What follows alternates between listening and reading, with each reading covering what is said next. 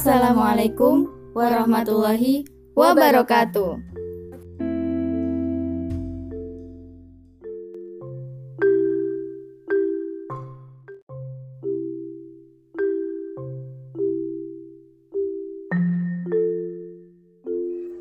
Eh, tahu nggak kemarin hari apa? Lah, emang tanggal berapa sih kemarin? Hmm, 7 Juni sih kayaknya. Berarti sekarang 8 ya? Iya, tapi kayaknya ada sesuatu deh di 7 Juni ini. Emang apa? Hmm, ih, masa nggak tahu? Ya tau lah, masa nggak tahu gimana sih? Gimana ya? Ya pasti teman-teman semua tahu lah. Nggak semua ya. Ya nggak semua sih sebenarnya. Hmm, mungkin segelintir dari teman-teman di luar sana. Jadi 7 Juni itu adalah Hari Media Al-Quds sedunia. Oke. Pada tahu nggak sih Al-Quds itu daerah mana? Daerah mana Mil? Ya Palestina lah. Eh, ya nggak sih? Iya deh kayaknya. Iya, karena aku cuma jebak kamu. Astagfirullah. Ya kan teman-teman, Al-Quds it- Al-Quds itu ada di Palestina. Di mana pada tanggal 7 Juni kemarin, teman-teman yang peduli sama Palestina, mereka banyak menggunakan hashtag Al-Quds di media sosialnya. Nah, mungkin buat teman-teman yang belum tahu kalau 7 Juni itu adalah hari apa tadi Roma? Media Al-Quds sedunia. Nah, tapi pasti teman-teman udah tahu dong kalau sekarang ini sesuatu terjadi di Palestina. Tapi bukan hanya sekarang. Dari dulu malah. Iya. Dan teman-teman pasti tahu kan apa yang terjadi di Palestina selama ini? Masa nggak tahu parah banget sih? Ke mana aja loh? Iya, udah mau setengah abad loh ini. Eh masa? iya. Aduh, lama banget ya berarti. Iya, karena Palestina itu dijajah oleh Is- Israel sejak tahun 1967. Nah, di sini itu mereka banyak merampas HAM warga Palestina. Bayangin, seperti nih, tempat tinggal mereka dirampas. Bukan hanya tempat tinggal, nyawa-nyawa mereka. Bahkan mereka kehilangan ayahnya atau mungkin kehilangan ibunya. Saudara-saudaranya. Iya, adiknya yang masih kecil. Dan mereka harus terbiasa dengan kehidupan yang setiap harinya melihat sesuatu yang tiba-tiba aja harus hilang atau pergi. Terbiasa kehilangan apa-apa yang mereka sayangi. Kalau kita mah mungkin kayak barang ya, biasanya kayak barang terus hilang. Dicuri Mungkin- gitu. Ha-ha, iya kayak bolpen kesayangan mungkin gitu ya. yang lucu.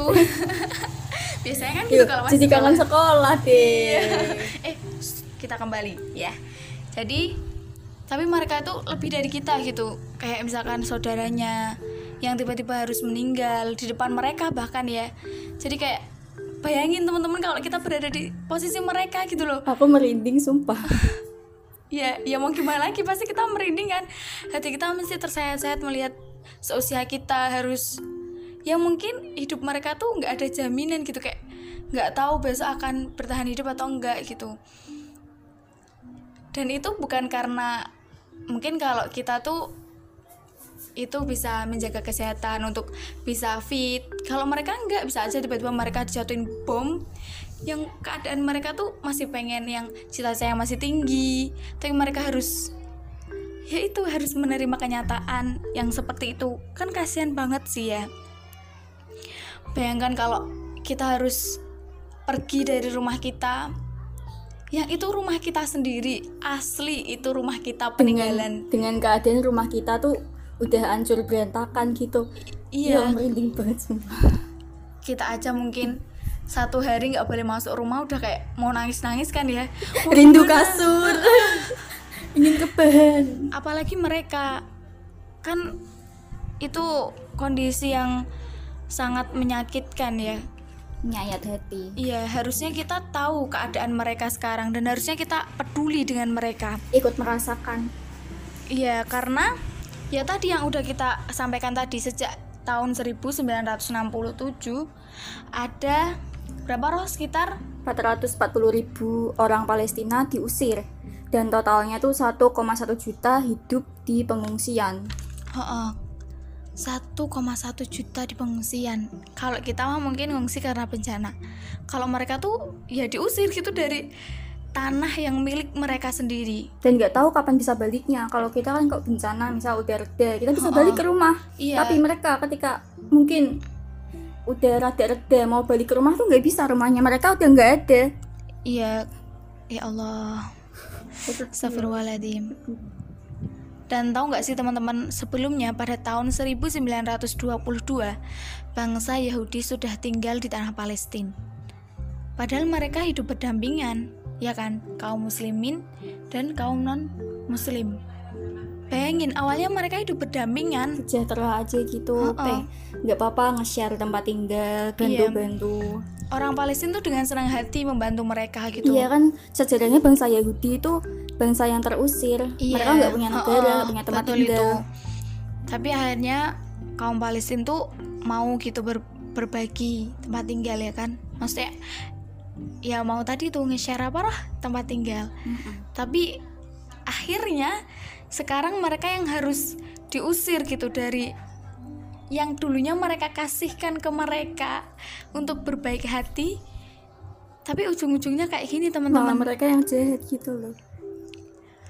Dan pada tahun 2020 ini, populasi bangsa Yahudi hampir seimbang dengan populasi kaum muslimin. Di Palestina. Bayangin, dari yang nggak punya sampai akhirnya tuh kedudukannya eh kedudukannya bukan kedudukan. Sampai akhirnya populasinya tuh hampir sama, teman-teman. Dan tanahnya pun milik mereka semua. Iya. Kaum muslim cuma dapat sedikit. Sedikit Dan keadaan kaum muslimin tuh lebih me, apa ya? mengenaskan, ya bukan ya? Mengkhawatirkan. Iya, masa kita nggak mau peduli sih?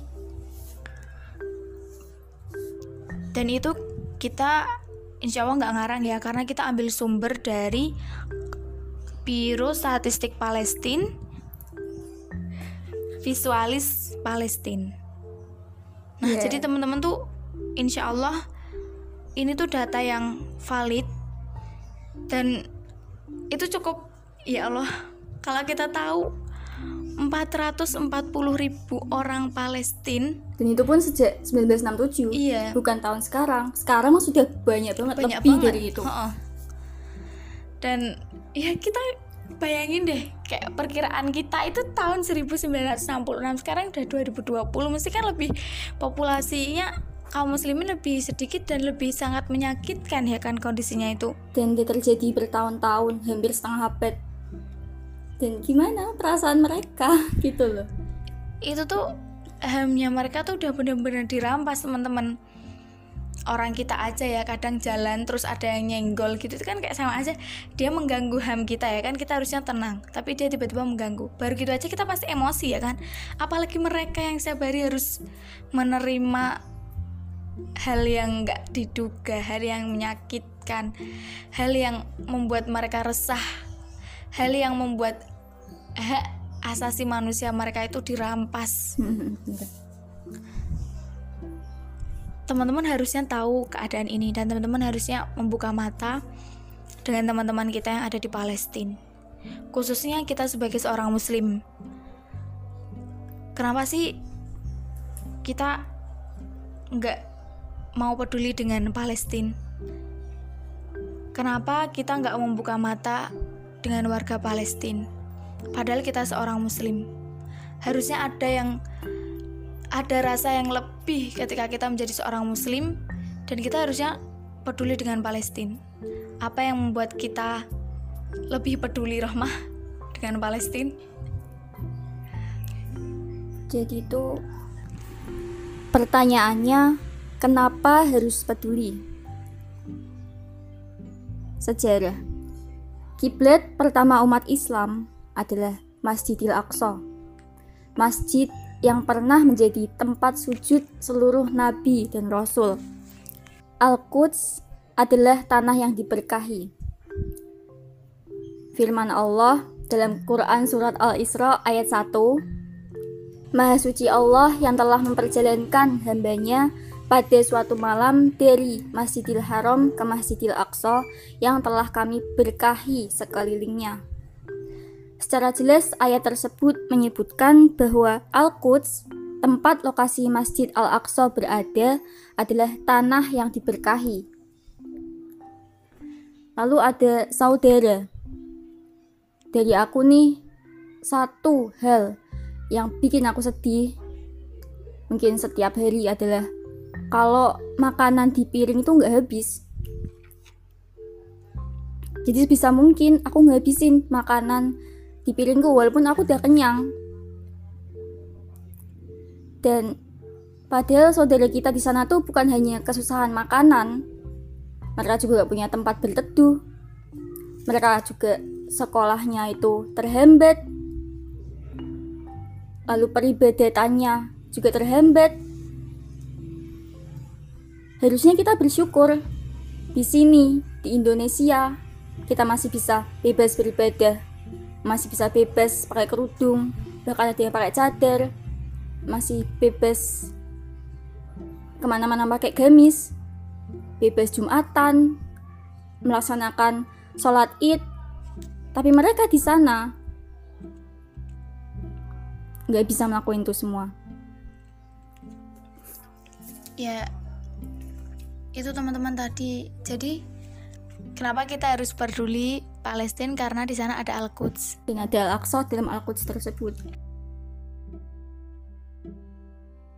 Sebenarnya bukan hanya muslim sih yang harusnya peduli sama Palestina. Ini kan masalah HAM hak asasi. Iya. Yeah. tuh. Jadi seluruh orang dunia agama apa pun bangsa mana pun harusnya peduli dengan penjajahan HAM kayak gini. Ya, harusnya mereka respect ya dengan keadaan Palestina yang HAMnya itu dirampas.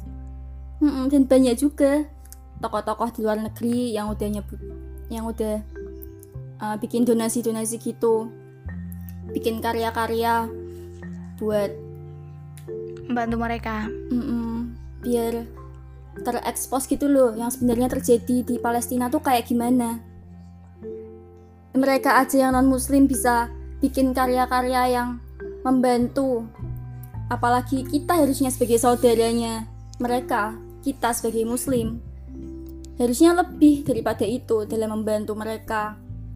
Donasi bikin karya nge-share berdoa buat mereka. Doa itu yang paling penting tapi tindakan juga penting.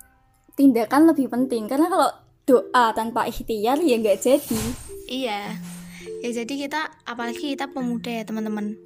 Ini kan kita anak-anak muda nih harusnya kita punya kayak project atau punya karya lah minimal yang bikin dunia itu tahu kalau Palestina itu sedang menjerit kesakitan. Apalagi kita sebagai negara muslim terbesar. Jadi kita harus bikinlah karya-karya untuk orang-orang yang nggak tahu tentang Palestina ini supaya mereka jadi tahu, supaya mereka jadi peduli. Harus berusaha. Ya minimal share postingan teman-teman yang lain lah. Walaupun kita nggak bisa bikin karya, kita share. Apa susahnya sih nge-share doang? Betul betul betul. Karena kalian tadi udah tahu ya, why Kenapa sih kita harus peduli dengan Al-Aqsa? Al-Quds. Dari cerita ajakan kita ke teman-teman buat peduli dengan Palestina, sebenarnya kita mau ngasih tahu nih. Untuk peduli dengan suatu hal, kita harus punya alasan. Jadi kayak why-nya gitu ya? Iya. Why adalah kenapa. Kenapa adalah why itu masuk dalam 5W plus 1H itu loh yang waktu bahasa Inggris dulu kita belajar iyalah kita pasti dari dasar kita udah diajar itu ya 5W 1H dan yang paling penting dalam kehidupan kita adalah why, why. jadi di sini kita punya hmm, rekaman nih dari seorang teman yang habis memperbarui referensinya. Ya, kita nanti bakal puterin dan itu tuh nanti bisa teman-teman contoh kenapa sih kita harus tahu way dulu untuk peduli dengan sesuatu, untuk mengambil langkah, untuk memandang sesuatu. Kenapa kita harus punya way dulu? Ini salah satunya uh, salah satu temen yang dia baru saja membuat dirinya new normal. new normal. Ada yang baru dari dirinya. Langsung aja kita puterin. Jadi yang aku dapat dari video yang aku tonton kayak the inspiration itu kayak oh iya ya gitu loh kayak mak jelek aja itu kayak oh ini tuh yang dicari orang hijrah pertama kali bukan apa dan bagaimana tapi mengapa mengapa kita Islam mengapa kita harus menjalankan sholat kewajiban-kewajiban lainnya seperti itu. Jadi kayak dengan adanya itu tuh kayak kita yang hijrah bisa kayak lebih oh iya pokoknya tujuanku tuh seperti ini kayak gitu. Juga pas kita lagi futur lagi down emangnya itu tuh kayak itu jadi penyemangat buat kita gitu loh. Kayak itu tuh penting banget sih untuk orang yang pertama kali mengenal Islam lebih dalam. Dan setelah itu kita baru kayak fikih hadisnya Al-Quran kayak gitu. Kalau kalau kita mempelajari fikih dan Al-Quran kayak hukum-hukum Islam terlebih dahulu kayak mau sholat pas itu futur nggak ada kayak motivasi gitu loh mbak. Kayak kenapa tuh aku harus sholat? Nggak ada motivasi seperti itu. Kita malah jadi nunda-nunda terus ya gitu.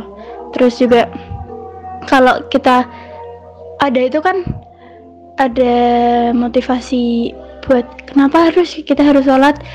Jadi kan pas sholat kan kita kan gak, gak nunda. Jadi oh iya kan aku mau gini gitu. Terus aku keinget cerita ini nyata sih tapi aku gak tahu kayak latar belakangnya jadi tuh aku kenal akhwat Nah, itu tuh segrup gitu loh, Mbak. Karena aku juga ikut grup dakwah gitu. Nah, aku lihat beliau tuh tuh Masya Allah banget Masya Allah banget kayak ukti bercadar kayak gitu. Kenal Islam banget. Bahkan kayak apa namanya buat grup lagi dakwah gitu. Kayak apa namanya wow gitulah. Il ilmunya udah banyak gitu. Eh beberapa bulan aku setelah kenal beliau kayak ada perubahan yang sangat signifikan signifikan ke beliaunya. Kayak bukan berubah menjadi baik malah kayak lama kelamaan malah ke masa jahiliyahnya dia lagi kayak gitu. Kayak apa aku juga gak tahu sih latar belakangnya apa. Biasanya kan kayak banyak yang mentalnya tuh kayak terganggu mulai dari insecure lah atau lingkungan sekitar yang suka mencemooh beliau nggak tahu juga. Tapi pelan-lahan beliau udah copot cadar udah make up sana sini. Terus pakaiannya udah tidak syar'i lagi walaupun berhijab makanya pasmina tidak menutup dada. Terus beberapa minggu kemudian beliau copot kerudung na'udzubillah zalik. Semoga nggak terjadi seperti itu sama aku. Kayak ding apa kalau kita tahu mengapa bukan apa dan bagaimana terlebih dahulu. Kayak kita tahu apa sih tujuan hijrah? Bukan kayak mengapa sih? Islam tuh harus kita harus berjilbab atau apa kayak itu itu tuh kalau kita ada motivasi kayak alasan buat kita apa namanya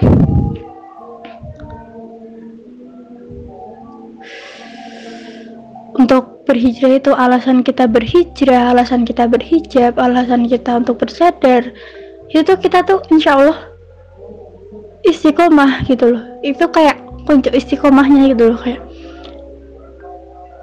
apa kita mesti keinget terus oh iya tujuanku kan seperti ini alasanku kan seperti ini kenapa Allah melarang kan seperti ini? Jadi jadi kita tuh tahu gitu loh walaupun lingkungan itu tuh baik atau buruk seperti itu. Itu sih yang aku dapat tuh tentang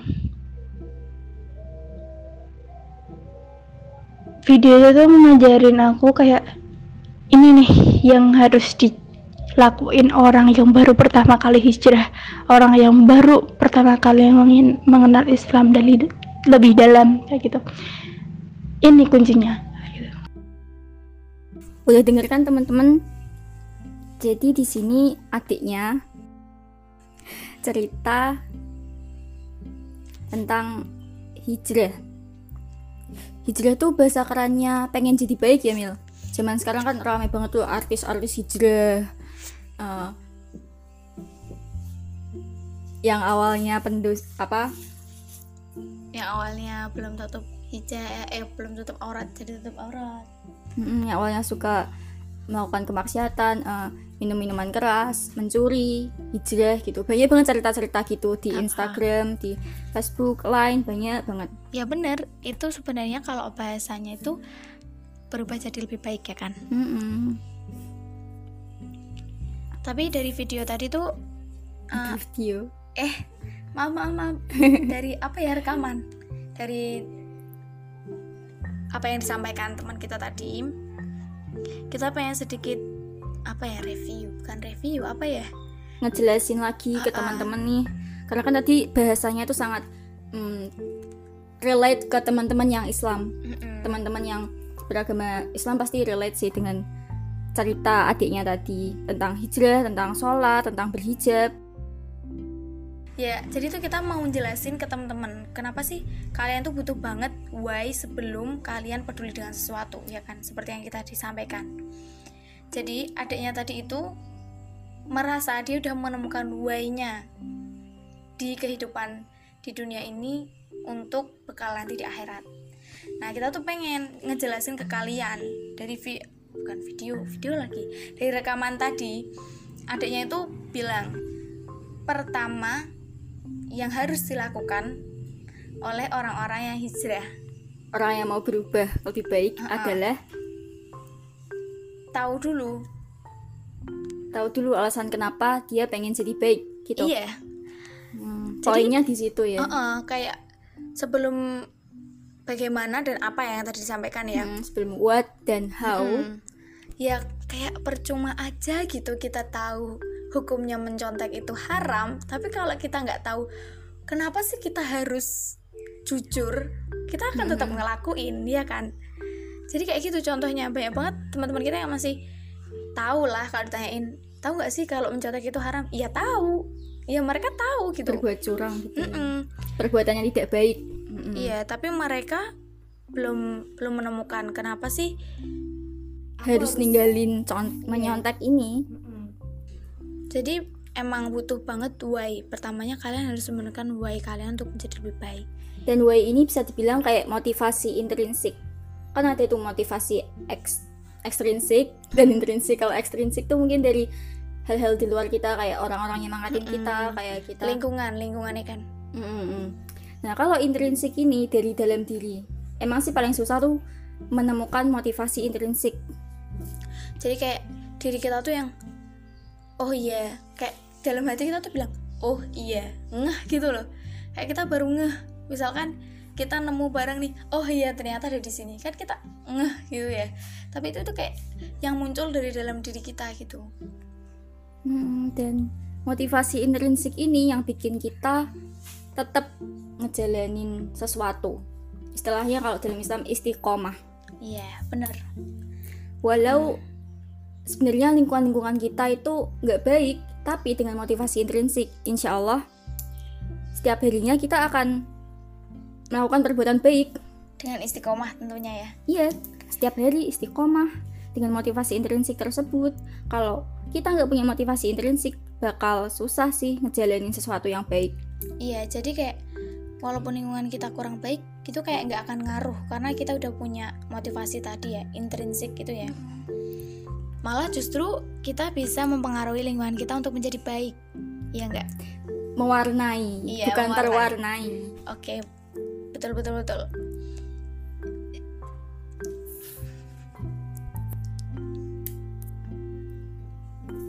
Nah jadi tuh teman-teman kalau pengen jadi baik dari sekarang kita temuin why-nya teman-teman dulu.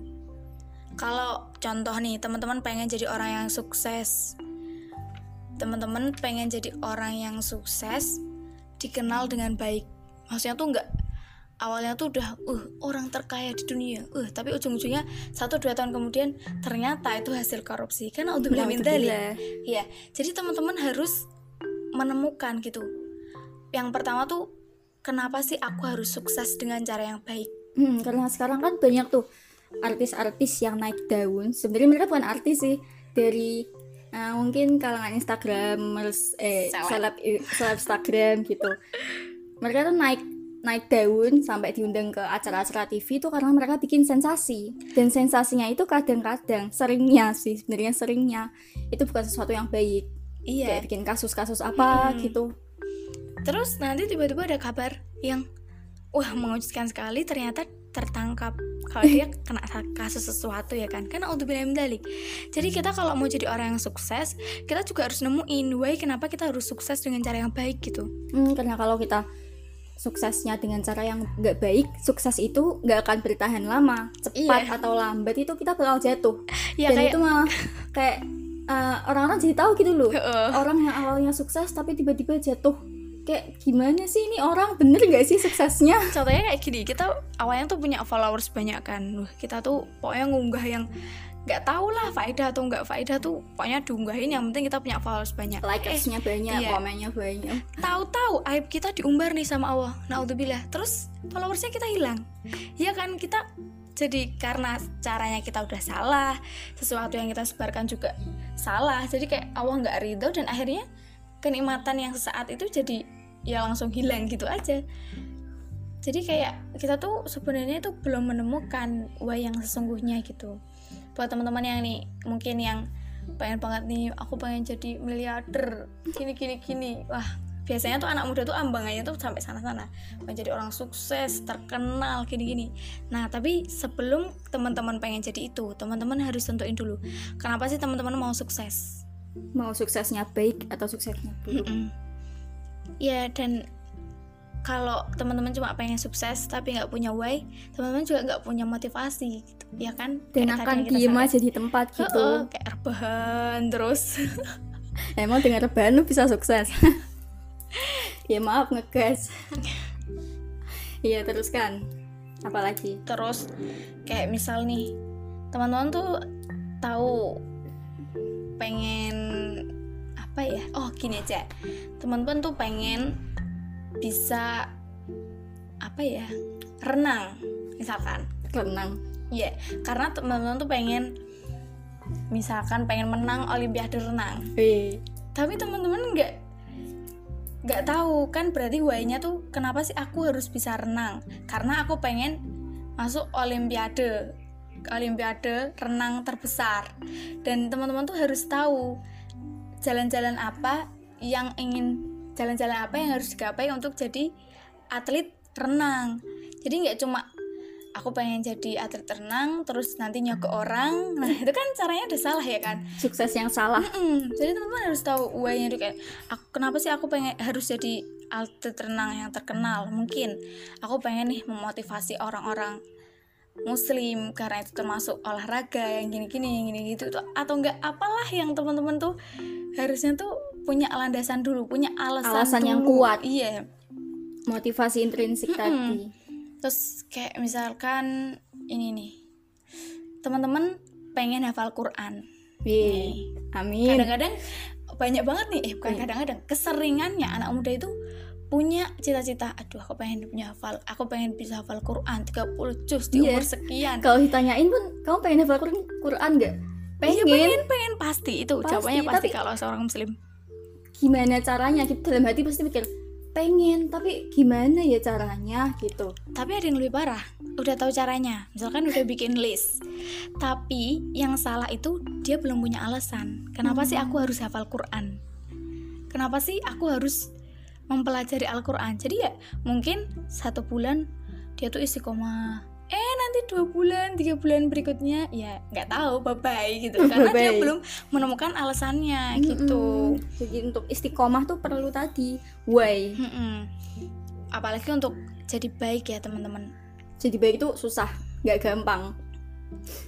ya kalau kalian udah nemuin alasannya insya Allah yang susah itu akan jadi gampang ya kan Amin. insya Allah ya jadi kalau kita nih ceritanya pengen kita bareng-bareng untuk menjadi lebih baik ayo teman-teman dari sekarang tentuan tentukan why kalian untuk menjadi baik. Kenapa sih kalian harus pengen jadi baik? Coba kalian cari referensi-referensi yang bikin kalian tuh new normal memperbarui diri kalian. Apa sih yang uh, membuat aku ini selama ini gantung apa yang membuat selama ini hidupku resah apa yang Galuh. Mm-mm.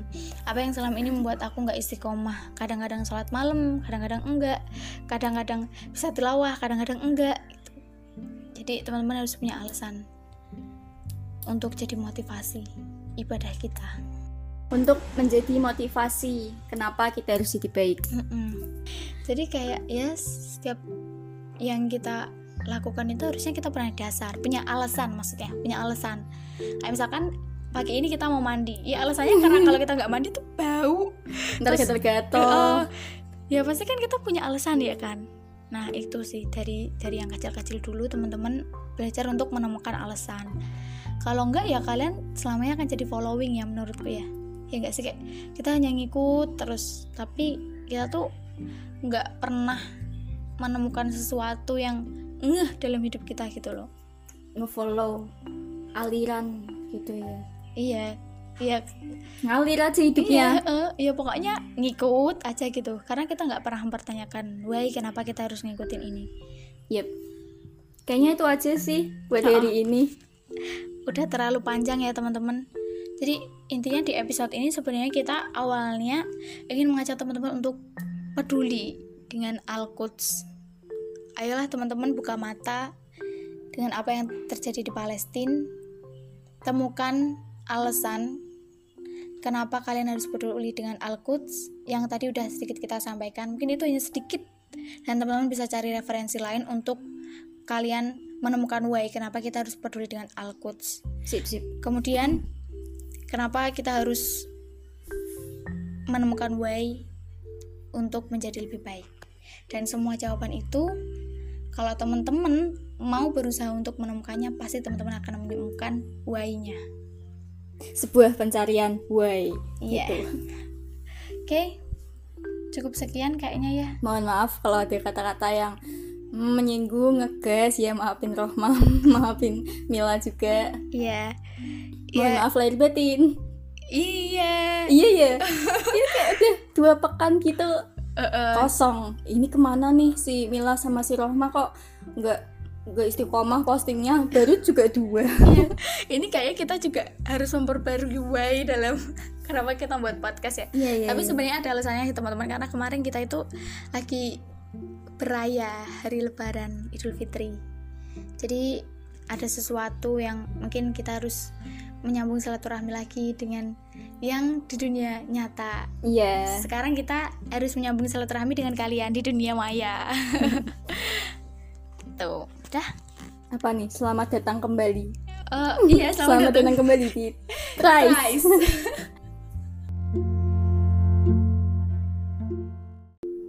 Wassalamualaikum warahmatullahi wabarakatuh.